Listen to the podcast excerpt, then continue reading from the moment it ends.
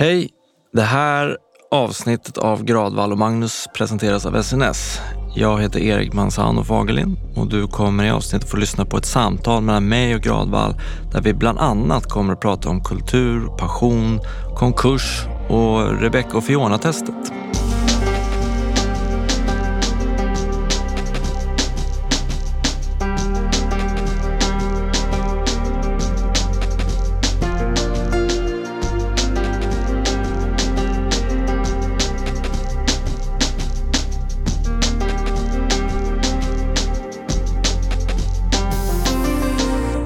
Du lyssnar på Gradvall och Magnus.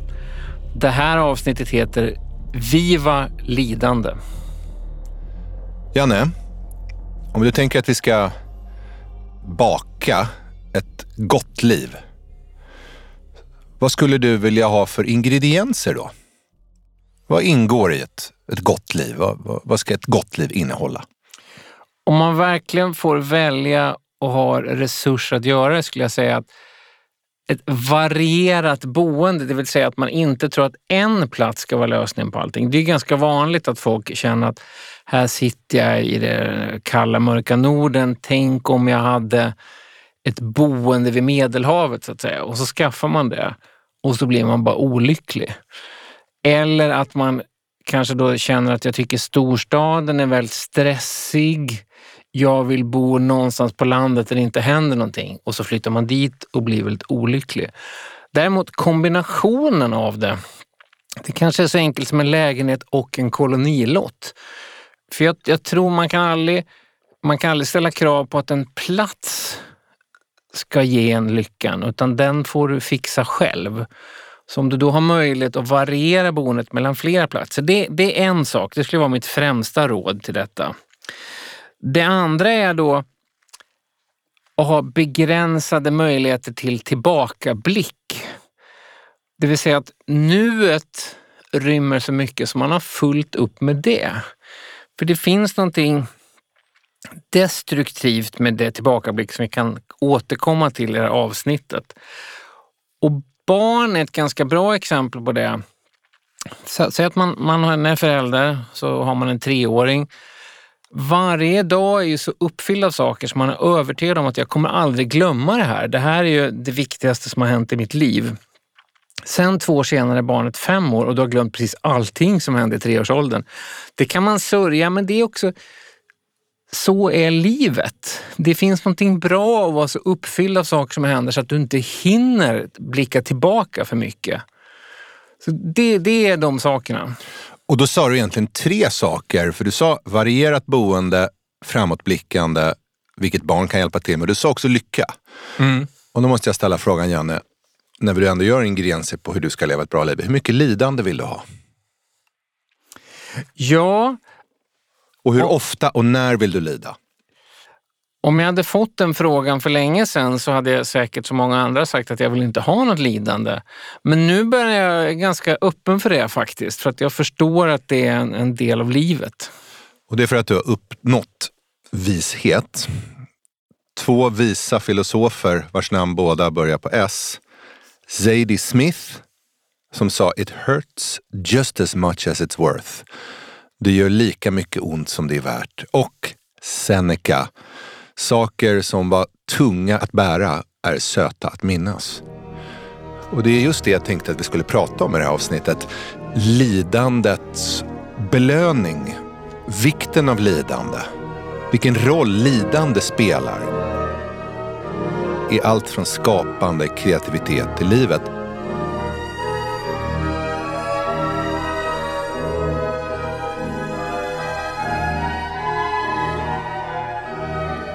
Vi kan väl börja med att säga att vi, vi försöker titta bort från lidande idag. Det har blivit en klyscha att säga att vi inte kunde förutspå någonting eller vi har varit naiva inför. Men det vi egentligen menar då är att vi ville inte tänka på att det skulle bli så här. Därför att det är så läskigt. Det är så hemskt. Vi ville titta bort från lidandet. Likadant, vi har ju exotifierat vanliga mänskliga känslor. Varför mår vi så dåligt när vi har det så bra? Varför mår de unga dåligt idag? därför att det är en viktig del av livet. Synen på lekplatser till exempel, att man som det har varit här i Sverige väldigt mycket, att är det någonting på lekplatsen som man kan göra sig illa på, då ska man ta bort det eller förbjuda det. Men det ingår på lekplatser. Det ingår att du kanske gör dig illa, förhoppningsvis in, inte fatalt, vilket nästan aldrig händer. Och försöka bygga bort det, avskaffa saker, det är liksom en felaktig syn på vad livet innebär. Ja, och decennierna vi levde i fram till kanske år 2020 har ju ibland kallats för the great nap. Den stora sömnen. Alltså någonstans när kalla kriget tar slut och decennierna efter så somnade liksom världen och tyckte nej, plikt, lidande, det vanliga, det negativa, nej det ska inte få finnas. Nu handlar det om du, du är en rockstjärna, du är en ninja, det är självförverkligande och allt dåligt ska byggas bort. Den här kallades för paradismyten, att det kan finnas en plats som är så säker, trygg och perfekt att det blir paradisiskt och allt annat ska då tystas, censureras och tas bort. Där ser vi hur världen ser ut nu, för det är en väldigt västerländsk föreställning. Så ser det inte ut i Ryssland, Kina. De har aldrig trott att världen är ett paradis. Nej, utan det var, det var kanske det västerländska projektets villfarelse. Och det smittade ju även allt. Väldigt länge fick ju ingenting gå i konkurs. Efter Lehman Brothers kollaps så fick liksom inga banker gå i konkurs. Det var jätteviktigt att rädda. Och det var som någon sa, liksom, kapitalism utan konkurs. Det är ju som religion utan ett helvete. Som liv utan död. Exakt. Eller för all del postpandemin. Allt ska räddas. Alla branscher, alla yrken. För det värsta som kan finnas är arbetslöshet, tvingas söka nytt, tvingas hitta en annat. Det vill säga själva motsatsen om vad vår podd ofta har handlat om, att i motgången finns ett värde. Jag läste, apropå att undvika lidande gör oss blinda, Rachel Cusk, den här um, omtyckta av vissa, avskydda av andra författarinnan. Hon har skrivit en bok som bland annat, då, eller en bok som heter Aftermath som handlar om hennes skilsmässa där hon skrev det väldigt tydligt. Modern family life with its relentless jollity, its entirely unfounded optimism, its reliance not on God or economics but on the principles of love, fails to recognize and take precaution against the human need for war. Alltså ett optimismjäv, en tro på att det här kan bara bli bra, bättre, bäst.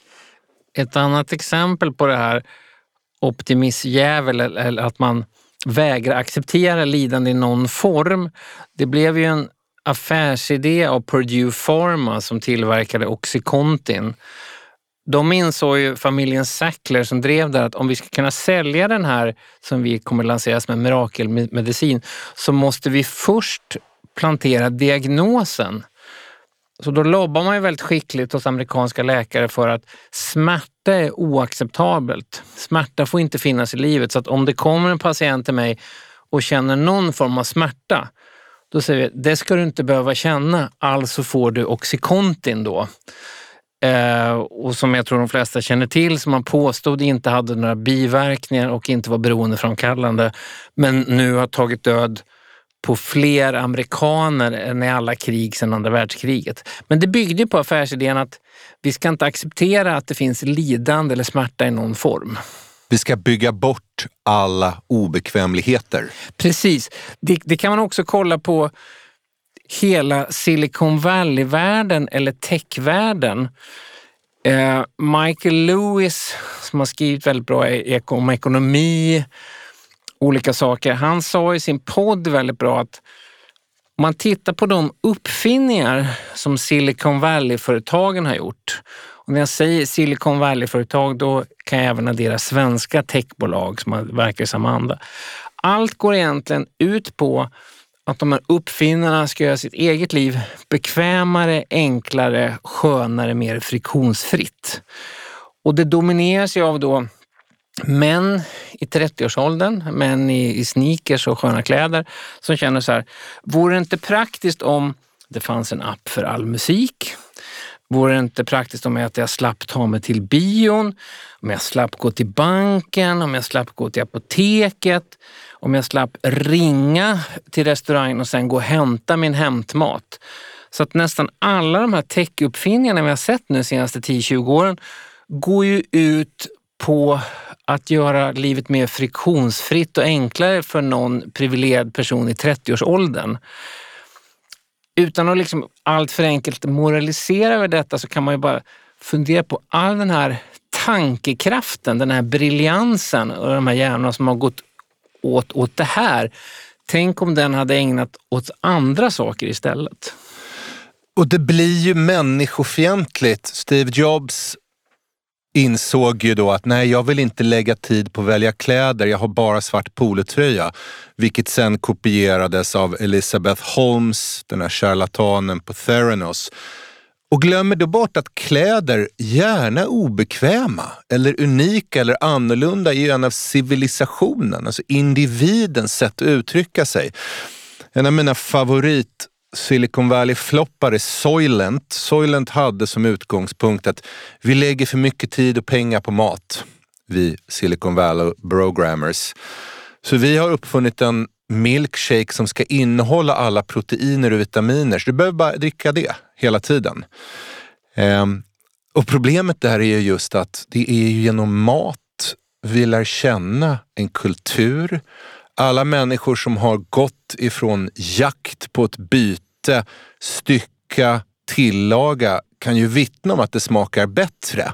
Och det är genom att uppleva maträtter som man kanske inte gillar och avskyr som man liksom går framåt i sin utveckling och sin smak och redan direkt tar bort allt som, som kan vara onyttigt eller äckligt. Ja, och, och det är ju det här, och vi tar det mänskliga behovet av lidande stark mat. Kryddstark mat. Väldigt många älskar det. Isbad, skräckfilm, berg och dalbana. Alltså det finns i människan en dragningskraft i det som kan vara eh, dåligt, hemskt, fruktansvärt, innebära lidande i det lilla eller det stora. En väldigt intressant undersökning som eh, någon som heter Jennifer Aker på Stanford skrev om. Att det finns då att mening och lycka kan faktiskt vara varandras motsatser. Man får nästan upprepa det. Mening och lycka kan vara varandras motsatser. Det finns saker som överlappar med ett lyckligt liv och ett meningsfullt liv. Men det finns också viktiga skillnader. En är att lycka tenderar att vara närvaroorienterat. Meningsfullhet integrerar däremot det förflutna, nuet och framtid. Låter lite, kanske lite flummigt, men ett, ett exempel. Att tänka mycket på det förflutna eller att tänka mycket på framtiden, det är förknippat med hög meningsfullhet men lågt på lyckoskalan. Lite som det här jag sa i början, att vara uppfylld av nuet så mycket så att man inte kan tänka för mycket framåt eller bakåt gör dig faktiskt ofta lyckligare och mer harmonisk. När man har lyssnat på och intervjuat äldre och i vissa fall döende människor berätta om sina liv, vad stod ut, så är det ofta lidandet som växte fram. Det var inte dagen när allt kändes perfekt och man drack kall Sauvignon Blanc vid en solnedgång, utan det var de stora smärtorna, kriserna, det man tog sig förbi apropå att vi har glömt bort det här, vi slänger oss med så här klyschor idag och glömmer bort vad de betyder. Passion, det har folk fått för sig att det är som att vara lite förälskad. Nej, det är djupt lidande. Ja, det, är väl, det går väl tillbaka till korsfästelse. Filmen heter The Passion of the Christ. Det handlar inte om att Jesus står framför ett vattenfall på Instagram och är passionerad, utan det handlar om lidande. Vad brinner du för? Det betyder ungefär, vad har du för hobby idag? Brinna är alltså att din hud är tänd. Att du brinner för någonting. Vi kan tänka på om Vietnamkriget, munken som protesterar och tänder eld på sig själv. Det är bokstavligen det värsta en människa kan utsätta sig för. De här orden har förlorat sin mening i takt med att de har blivit klichéer. Vi har glömt bort att de består i sin centrala del. Vad lider du för? Vad är du villig att lida för? Jag tänkte på det när jag såg Super Bowl 2022 där mellanakten var ett antal rappare som hade som gemensamt att de antingen var Dr Dre eller hade producerats av Dr Dre. Det vi ofta glömde där var att det här var ju liksom 30 år gammal musik. Lika modernt som Beatles, Madonna, Michael Jackson var för 10-20 år sedan var nu det här. Så det var vi liksom... Precis, det går ju tillbaka då till början på 90-talet då Dr Dre släpper den här The Chronic där Snoop Dogg presenteras till exempel och sen så växer det vidare och blir Eminem och så vidare. Men om man då tänker sig att 1991 års Super Bowl hade varit artister från 1961 så får du en känsla Så får man en känsla av det. Och nu kan vi ändå få för oss lite att det där är liksom lite coolt och samtida då. Vilket det, det verkligen inte har. Nej. Men spaningen här, apropå att vi har att göra med lidande, det var att sen tittade jag i sociala medier när det vinnande laget, Los Angeles Rams, firade segern. Och då lägger ju alla ut egna videos på Instagram, TikTok och liknande och berättar om sin dans och de står iförda skidglasögon för champagnesprutet i omklädningsrummet. Det där måste ju bara pausa för det var du som berättade för mig som kan så mycket amerikansk fotboll. Det här att man, att man sprutar champagne i omklädningsrum är ju standard nu för tiden. Men det var du som berättade att alltså för att det svider väldigt mycket i ögonen, man kan göra sig illa. Alltså börjar man att ta på sig skidglasögon så innan man sprutar. Oakley sponsrar alltid vinnande lagen. Det gör de både i basket, amerikansk fotboll, baseball med mera. Hur som helst, den låt där jag, som inte jag hade hört förut. Där alla bara exploderar i eufori. Den som talade mest till de här var Dreams and Nightmares of Meek Mills.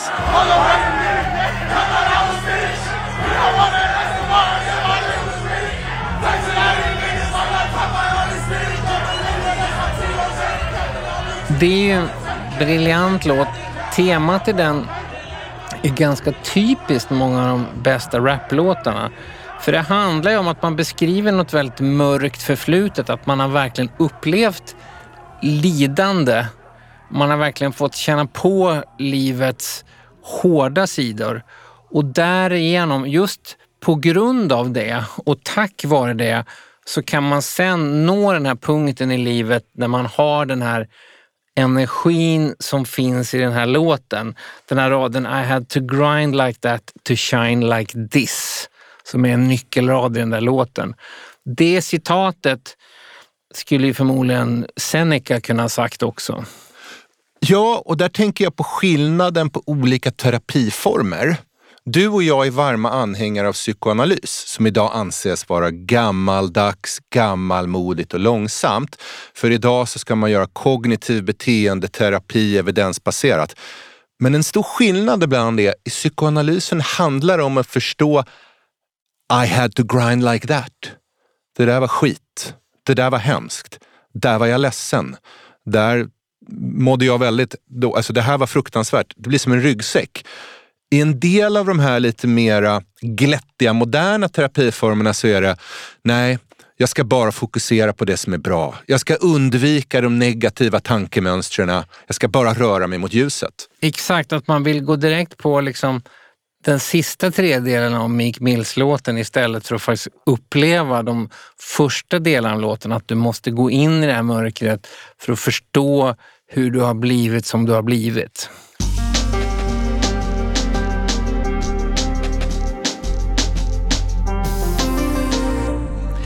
Välkommen Erik Massano Fagerlind.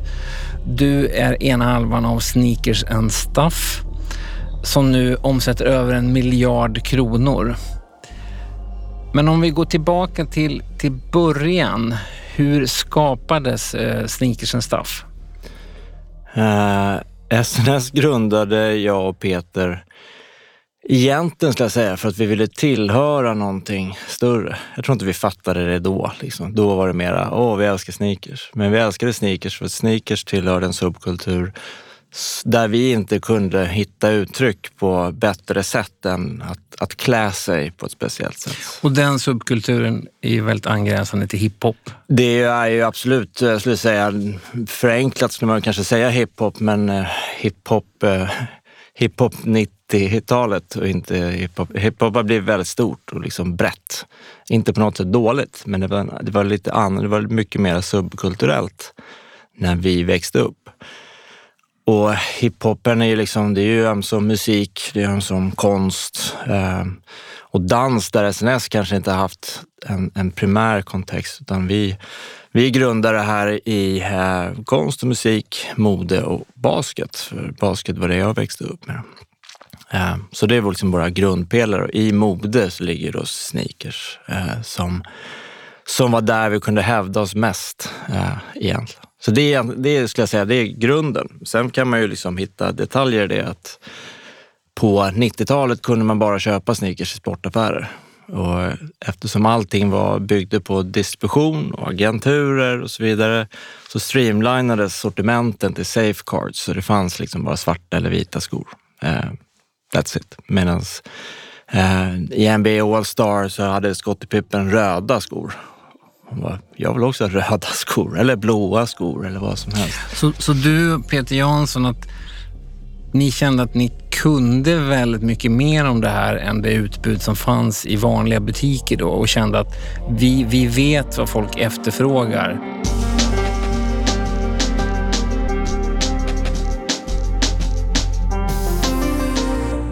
Och lidande är en katalysator.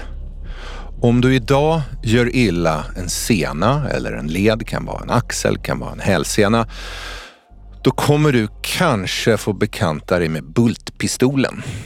Bultpistolen, tänk dig en stor, stor penna av metall innehållandens vikt som åker fram och tillbaka. Dum, dum, dum, Exakt ja, kan man säga, 70 minuter innan vi sätter oss i den här studion och gör den här podden så har jag upplevt bultpistolen i min axel.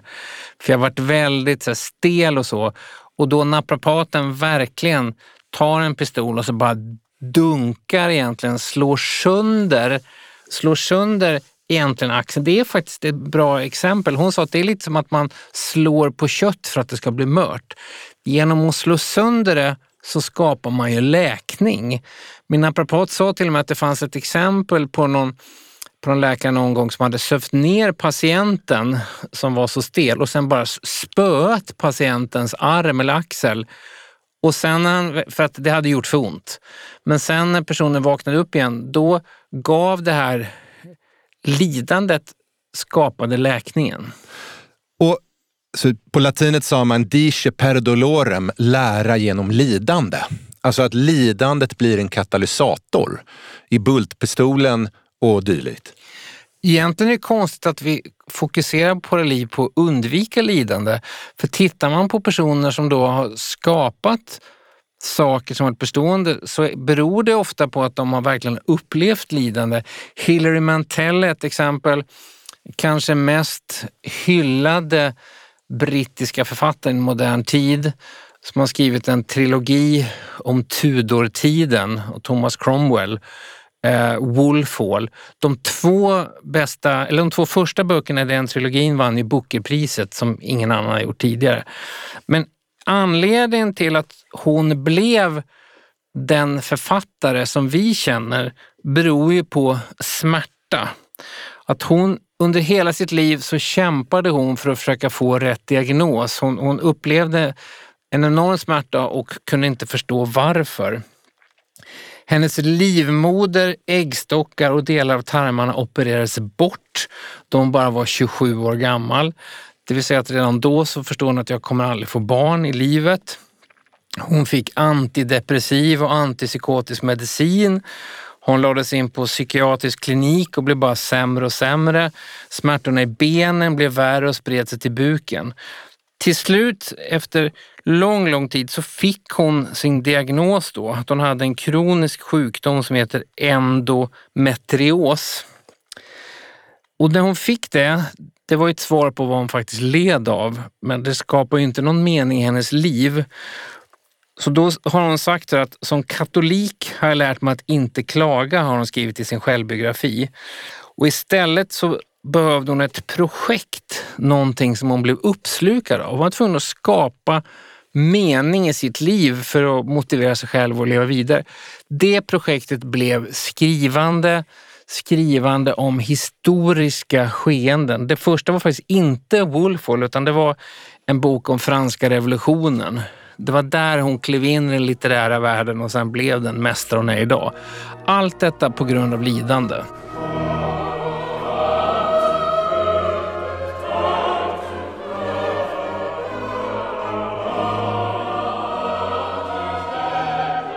Konst är en maskin som förvandlar hat, sorg och skit till någonting vackert. Konst är en maskin och det är just det här Meek Mills och Hilary Mantel har gemensamt. Att bära med sig lidandet i ryggsäcken gör det möjligt att skapa musik, litteratur, poesi, eh, konst som på något sätt talar till det människor, kanske om du tänker på det innerst inne egentligen vill. När vi säger att man vill undvika lidande så tänker jag på, nej, någonstans så finns det ju en instinkt hos människan att vi, vi vill lida. Jag tänker bland annat på den här upplevelsemaskinen som filosofen Robert Nozick gjorde. Så Robert Nozick var en eller är en filosof, som hade som tankeexperiment att tänk dig att du ska, du skulle kunna få tillgång till en maskin det här var innan virtual reality och sånt var stort. Men låt oss tänka virtual reality. Men mer än virtual reality. Det är alltså en maskin där du kan uppleva det perfekta lidelsebefriade livet. Alla smaker, alla känslor, alla tankar.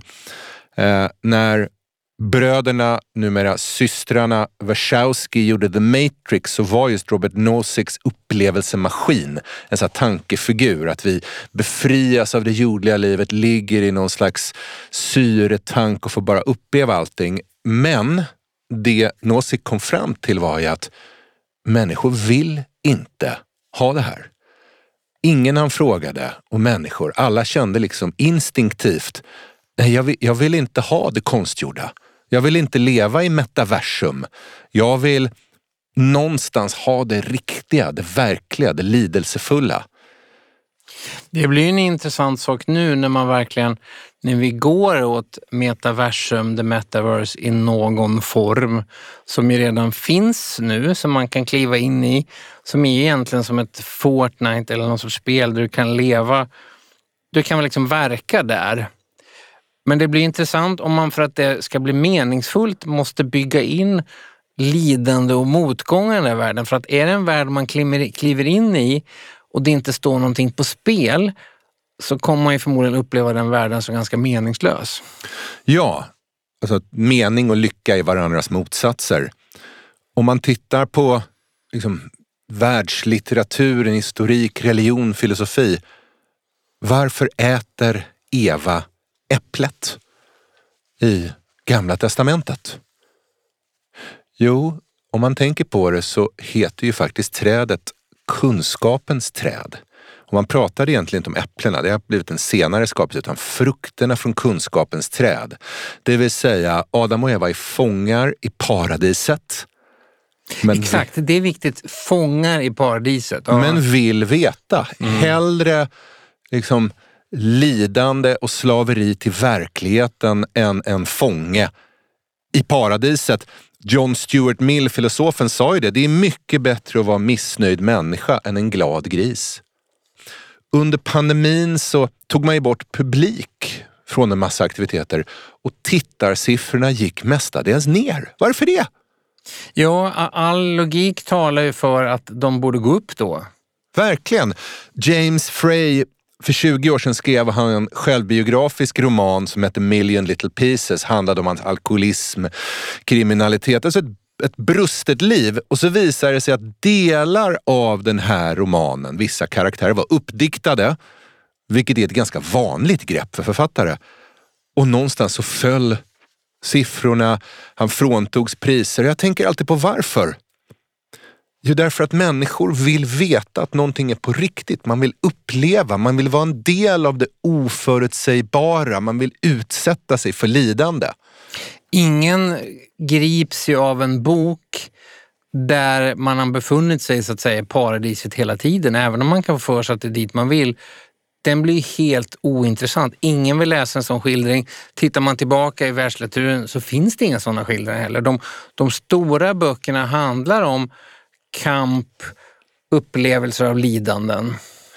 Ja, och, och, och det har ju väldigt många filosofer också varit på. Nietzsche pratade ju om människan som den modigaste av alla djuret och det som verkligen skiljer människa från djuret hävdade Nietzsche var att människan söker lidandet, önskar det. Och tänker vi idag så har det allt ifrån bondage och sadomasochism till att inte följa råd. Jag minns när jag läste lyckoforskaren, hjärnforskaren Dan Gilberts bok om att snubbla på lyckan. Och då sa han, det finns ett tips som ingen av er kommer följa på hur man hittar lycka. Fråga en äldre människa. Det är jättebra. Och ingen vill följa nej, nej, de råden. Nej, Man vill upptäcka saker själv. I Aldous Huxley, Du sköna nya värld, sagt ironi. Därför att det är egentligen en dystopi. Det handlar, Aldous Huxley skriver den här tidigt 30-tal. Det har just varit världskrig, det är stor lågkonjunktur och han gör en insikt där att samhällen verkar sträva efter stabilitet i såna här tider. Och hur farligt det kan vara. Det kan leda till totalitära stater. Så människor som har läst den här vet att man delar in människor i kaster. Alfa, beta, delta, gamma. Och, och de ska sova sig till kunskap. Och det finns väl ett piller som man ska ta? Man tar piller för att kontrollera sina känslor. Och så tycker då den här Mond, som är lite eh, antagonisten, döpt efter en brittisk industrialist vid den här tiden. Så även, även här ville då Aldous Huxley ha något sagt om samtiden. Men han tycker inte det här är ett perfekt liv. Därför att nu får du bara nöje och njutning och undviker allt det dåliga. Och då säger John då, men jag vill inte ha bekvämlighet. Jag vill ha Gud, jag vill ha poesi, jag vill ha riktig fara, jag vill ha frihet, jag vill ha godhet, jag vill ha synd. En person som verkligen sökte sig till de mörka, skuggiga delarna av livet till synd och så vidare var ju Lou Reed, musikern.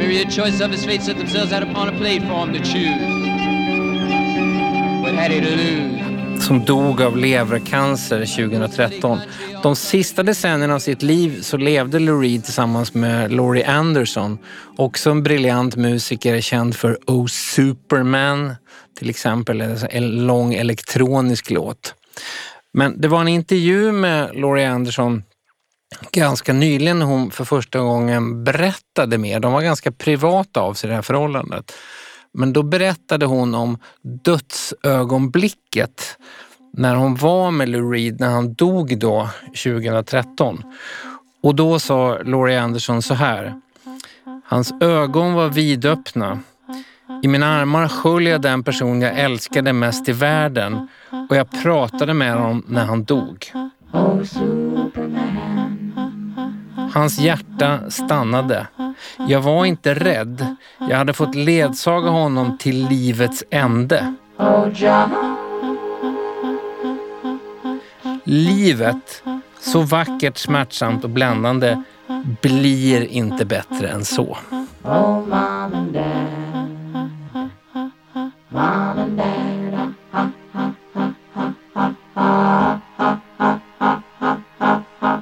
Hi, I'm not home right now, but if you want to leave a message, just start talking at the sound of the tone.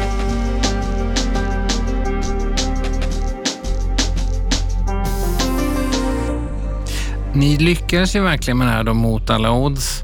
Ni drog igång Sneakers and Stuff, SNS, och verkligen blev väldigt framgångsrika. Det, det, tog lite tid men att ni blev väldigt framgångsrika i, i Stockholm.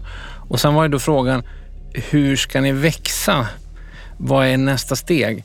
Och där vet jag att det var ju inte liksom raka spåret utan ni gjorde beslut där som ni sen ångrade. Var, var, var passade att ha sneakers and stuff någonstans? Kan du berätta mm. om det? För att ni, det var en tanke att ni kanske då skulle växa i, i svenska städer på landsorten. Kan mm. du berätta om den här fas två som kanske inte var helt lyckad? Nej, exakt. Ja, men fas ett var ju väldigt rolig och lyckad och expansiv också i, i sig själv. Vi blåste ju på. Det var liksom ingen av oss som tänkte på ekonomin nämnvärt. Det var väldigt cashflow-drivet. Man, man köpte skor, sålde ett par och hade råd att köpa två nya, så gjorde vi så. Så ganska snabbt så växte vi ur lokalen, köpte ut grannlokalen och sen så efter ett par år så bestämde vi för att flytta ner för gatan till där vi ligger idag. Det var också en stor lokal. Vi öppnade en butik i Malmö Ehm, min fru från Malmö, så vi har liksom kontaktnätet var där. Det var rimligt att åka dit istället för Göteborg som kanske annars. Vi öppnade en butik till inne i Stockholm city. Vi startade ett koncept till eh, som öppnade två butiker, en i Kista galleria och en på Mäster Samuelsgatan. Så vi hade expanderat ganska mycket. Eh, jag ska inte säga helt utan ekonomiskt styre, men liksom helt utan ekonomiskt intresse. Det var inte liksom, ekonomin i det här har aldrig drivit varken mig eller Peter, utan det är mera vad kan vi göra med det här? Vad kan vi driva på? Liksom? Och eh, personligen så handlar det mycket om hur kan man bli lite, hur blir man erkänd in, inom någonting? Alltså det, det skulle jag nog inte ha sagt för 20 år sedan, det är alldeles för ängsligt. Men idag så är det absolut, man söker en viss bekräftelse från olika delar. Det gör alla verkligen. Ja, och det tror jag alla gör. Eh, och det tror jag är en stark drivkraft. Men den är lite tabu, tror jag, känslig att prata om. Så att, eh, men man vill bli lite bekräftad och känna att så här, men ja, det här kan man. Liksom. Och den här revolten som jag pratade om späs ju på. Vi fick ju inte ens öppna bankkonto i början. De sa nej, de trodde inte på idén. Och så man bara, nej okej, så gör vi nu då? Öppna ett postgirokonto istället. Så allt det där liksom triggar ju bara och, och flö, liksom, det triggar energin. Men till slut så kommer ju då verkligheten ikapp. Inte att liksom försäljningen dalar eller tappar, men om du är cashflow-driven så är ju liksom, det är ju aldrig ett problem om tillväxten är inte snabb nog. Liksom. Då kan du ju dra på dig alla kostnaderna, för de, de kommer alltid i efterhand. Liksom. Men när tillväxten och dalar och kostnaderna inte gör det, eller kostnaderna fortsätter, liksom, då blir det på något sätt, då blir det så här, ja vänta, nu har vi inte råd att betala hyran, nu måste vi ha rea. Och så går det en månad, så nu måste vi betala skatten och får vi ha rea igen. Så till slut så har rea så frekvent så att för det första så försvinner ju marginalerna och för det andra så försvinner kunderna för de väntar ju, kan lika gärna vänta fyra veckor till nästa rea om det är så pass frekvent som det här. Så där och då, så liksom där, det är kanske den tuffare delen då av man lärde, där jag lärde mig väldigt mycket. Uh, där valde också, eller man hade inte så jävla mycket val. Vi var tvungna att skala ner. Vi stängde det här andra konceptet som vi hade med några andra partners. Uh, satte det i konkurs. Det var ju också en, en läxa att lära sig liksom som väldigt, väldigt lärorik, smärtsam uh, och också den här liksom, egot och självkänslan, få sin törn på vägen. Eh, men vi lärde oss väl liksom, eh, och SNS ska jag säga, det är väl nog preskriberat för det här laget. Jag skulle säga 2004 så var vi ju egentligen konkursmässiga. Eh, men det var väl ingen som kom och kontrollräknade hur stort lagret egentligen var och så vidare. Så vi tog oss över den här pucken och började liksom städa. Det tog ganska lång tid att städa upp det, men några findings på vägen var ganska självklara. Det var liksom att brandsen vi jobbade med, som vid det här laget hade vi liksom skaffat kontakter med Nike och Adidas och alla de andra liksom direkt. Vi behövde inte åka, vi gjorde det ändå kanske ibland på skojs skull, men vi behövde inte åka till New York för att liksom hämta hem grejer utan nu hade ju den här världen börjat växa på något sätt. Dels hade ju ja, Google kom till och förändrade liksom internet generellt. Eh, Adidas startade Adidas Originals som inte ens fanns liksom 99, jag tror det startade 2001 eller 2002 eller någonting. Så det började liksom, de här stora varumärkena började göra kollektioner för oss. Inte för oss, bara oss, men butiker som oss och de som var mest intresserade. Ehm, så att det var en helt annan setup och vi satt ju liksom i pole position i det här eh, och insåg väl att brandsen, de här jättestora företagen, de jobbade inte med oss för pengarna som vi genererade. Det var något annat, för vi var skyldiga dem mer pengar än vad vi kunde betala på liksom överskådlig tid. Jag pratar år. Liksom. Och de bara, ah, ja men vi, här får ni en ny leverans. Så kanske ni säljer igenom den så kan ni betala lite. Man la upp avbetalningsplaner trots att vi då var konkursmässiga. Det fanns liksom ingen säkerhet i det. Men vi insåg väl att så här, eftersom vi hade den här pole position så var de var lite beroende av att det här skulle funka. De hade hängt upp ganska mycket av sin strategi på att det måste funka längst upp, annars finns det liksom ingen trickle down. Vad ska de sälja? På den tiden var det liksom, det var vi, sen kom typ Stadium, mm. inte Sport. Det fanns liksom inget mellanskikt. Och de såg väl då, de som, som driver liksom Nike, Adidas och så vidare, så att de sa att ni var ju exakt rätt återförsäljare för att ni kunde kulturen. Ni, det var rätt ställe att synas Vi drev ju kulturen, de var ju sportföretag. Vi skapade ju, och då menar jag vi kollektivt, för det fanns ju då kanske 20 andra sådana här butiker i världen. Vi drev den här kulturen framåt och connectade den till den här större subkulturen som var liksom grundat ur hiphop egentligen. Eh, och den, den delen är ju också så här, den kan man ibland ha lite svårt liksom att ta in att så här, SNS på, från Söder på Stockholm har spelat en ganska central roll i liksom, vad alla betyder idag vad den här världen betyder. Nu är det en nischad specialvärld för våran del, men vi har spelat en enorm roll för att vara någon som typ Hypebeast, som en informationscentral för sånt där, vad deras betydelse är. Vad High Snobiety, vad betyder de? Vi var där innan, vi satte det på kartan, vi har hjälpt dem, vi har flödat upp det och vi har byggt det här. Sen har det kommit massa, massa andra och den här liksom allmänna leisurifieringen i samhället har liksom tillsammans med liksom explosionen av hiphop har ju bara liksom nu är det ju så stort så att det nästan, man, man vill ju på något sätt ta sig an en ny revolution. Och liksom. betyder ju att alla har på sig sneakers i alla sammanhang. Ja, och inte bara sneakers. Nej. Det är ju ingen som har slips. Mm, liksom. du, mm. kan ju, du hittar ju knappt folk med mm. kostym på banken mm. längre. Det är liksom det är t-shirts och sneakers. Men du berättar att när ni, ni liksom testar så här, var kan det här funka någonstans så märkte ni att det är ett storstadsfenomen. Du har sagt någon gång att ni gjorde Rebecca och Fiona-testet. Kan, kan, kan, kan, du berätta om det? ja, nej men Rebecca och Fiona-testet går, det går nog ut på liksom, eh, att subkulturer är eh, procentuellt sett mycket större i större städer. Uh, och det, Rebecca och Fiona är ett exempel. Liksom, om Rebecca och Fiona skulle gå ut på stan i scenkläder i prime Rebecca och Fiona-tid, liksom, då hade ju de, sett, de hade ju stått ut ganska mycket över tunnelbanan. Liksom. Folk hade liksom, men hade de gjort det i London så hade de varit lite mer i mängden. Alltså du ser Rebecca och Fiona-typen i London på, i tunnelbanan varje dag. Så det är liksom Precis. inga konstigheter. Så, så testet går ut på att om Rebecca och Fiona kan komma dit och ingen höjer på ögonbrynen, för de, de ser ju väldigt coola ut och definierar cool, då funkar det. Men om de kommer till Finspång och folk höjer för mycket på ögonbrynen, då fungerar det inte. Fungerar inte. Ja, exakt. Det är ju principen i det testet. Eh, men vi tog väl med oss, liksom, vi hade ju öppnat en butik i Malmö och då var Malmö vår näst största stad online i Sverige. Och det var ju intressant för oss.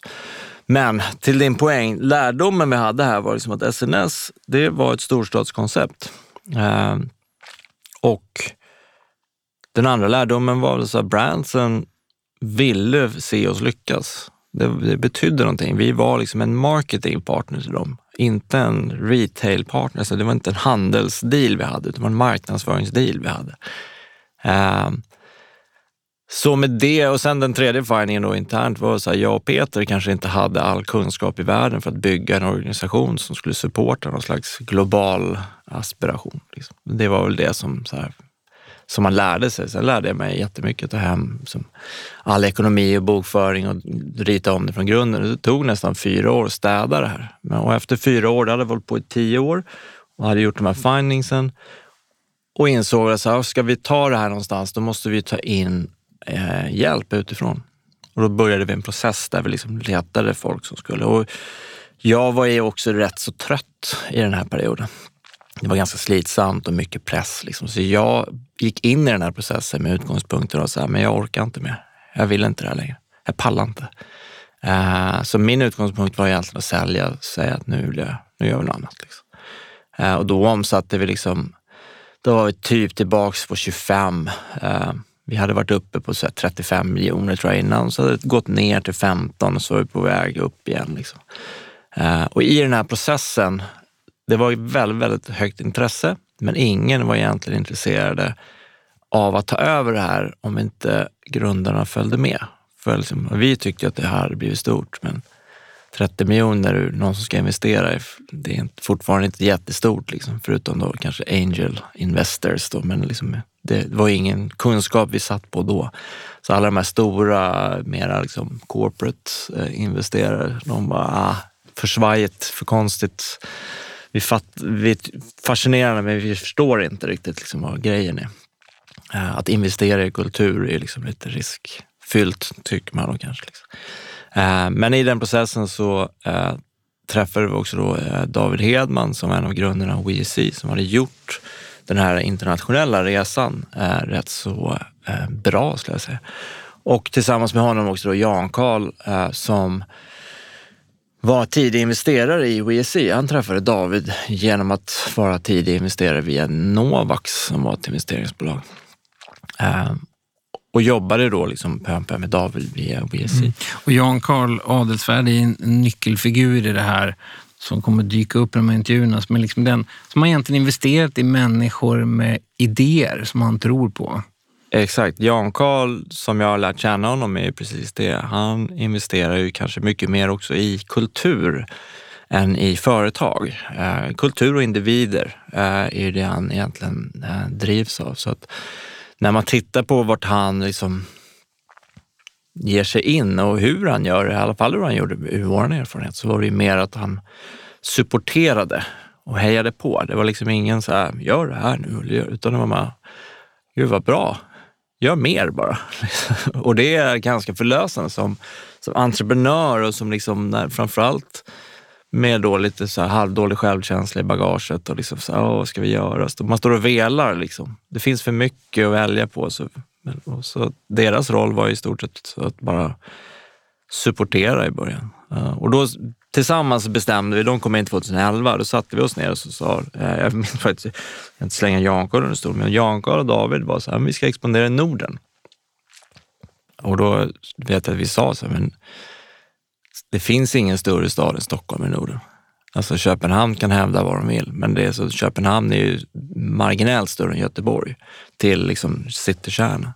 Uh, så det, det, kommer liksom inte att funka. Då måste du skala ner SNS och det var det vi inte lyckades göra riktigt i Malmö och så vidare för att det, det gick inte att få någon bärighet i det. Eh, så vi måste gå åt andra hållet, liksom. ta oss an de här stora städerna, för där är subkulturerna mycket större och där finns ett större intresse. Och dessutom så är det, liksom, är det inte det som är målet. Och varför inte testa det här direkt? För om det inte funkar, då är det ingen idé att vi håller på. Då kan vi ju skala ner, men låt oss testa. Så vi satte upp siktet för att vi ville väl egentligen, har väl egentligen alltid dragits till SNS skulle man kunna sammanfatta det att jag och Peter var kära i en subkultur som tillhörde New York och tog med oss den hem, en liten bit av New York som vi la på Söder på något sätt. Liksom. Uh, så att vi ville på något sätt så här, tillbaks till den här bekräftelsen. Vi ville öppna i New York och bli bekräftade i New York. Liksom. Det var kanske ingen uttalad drivkraft, men så här, efterhand så är det ju absolut eh, någonting som man vill. Man vill bara så här, platsar vi där. Men eh, det är lite krångligare då. Eh, varumärkena, även om agenturen och alla de här varumärkena har försvunnit så liksom, det är fortfarande väldigt regionalt styrt. Så att de vi känner i Europa har liksom inget att säga till om i USA. Så att bara för att vi har bra connections med de här varumärkena i Europa så betydde det ingenting i USA. Eh, men däremot så i London då, då var det dessutom med EU, så där kunde vi liksom flytta varorna hur vi ville. Och det här var ju inte testat riktigt. Det fanns inga regler för det här hos de här brandsen som vi jobbar med. Så hur, hur ska de förhålla sig när någon liten nischad spelare plötsligt också finns i en annan stad och en till stad? Det var liksom inte gjort. Alla de här små coola sneakerbutikerna var ju drivna av individer som var rotade i den här staden och nätverket var i den här staden. Så, eh, och alla lokala aktörer, då, Nike eller Adidas, har sina favoriter i sina städer. Så att för oss då, så armbåga sig in. Så vi, vi, vi satte upp siktet på London, för det var liksom, det är den stor, största staden som vi har. Mm. Och det, ni gjorde ju faktiskt alla de här sakerna och har förverkligat det och nu som sagt har en omsättning på en miljard. Bara som sista fråga, om du kunde gå tillbaka nu, om du ska ge ett råd, det kanske sitter någon där ute och lyssnar som, som kan ett område väldigt bra, som kan en kultur väldigt bra, kanske 19 år och vill starta upp det här. Vad skulle du ge för råd då? Alltså, gör det. Det är väl rådet egentligen. Gör det. Men du kommer att få nej så nio gånger av tio. Förmodligen 99 gånger av 100. Så kommer ingen att tro på det riktigt, så ingen kommer supportera det. Systemet belönar inte unga entreprenörer. Eh, det är en jävla tröskel att ta sig över. Eh, du kommer behöva hitta alla genvägar, alla fusk, alla liksom grejer. Och var inte rädd för det. Liksom. Det är väldigt, väldigt få som jag ser som, som följer by the book, startar ett företag, går handels och startar. Så då, då, är liksom, då är grunden att man ska starta ett företag. Så har du en idé, att starta företaget är liksom inte det svåra. Det, det svåra är att ha en bra idé. Det svåra är att ha en passion för någonting. Så och det, håll fast vid den delen. Liksom. Det är en viktig del, för, för det är det som alla, som alla inte har, utan det är någonting unikt. Mm. Och formatet för att driva företaget mm. finns. Mm. Så den, det kan du liksom mm. jacka in i din passion sen. Liksom. Stort tack för detta Erik och det passar väldigt bra i vad vi försöker göra med vår podd också. Tack, tack så mycket. Tack.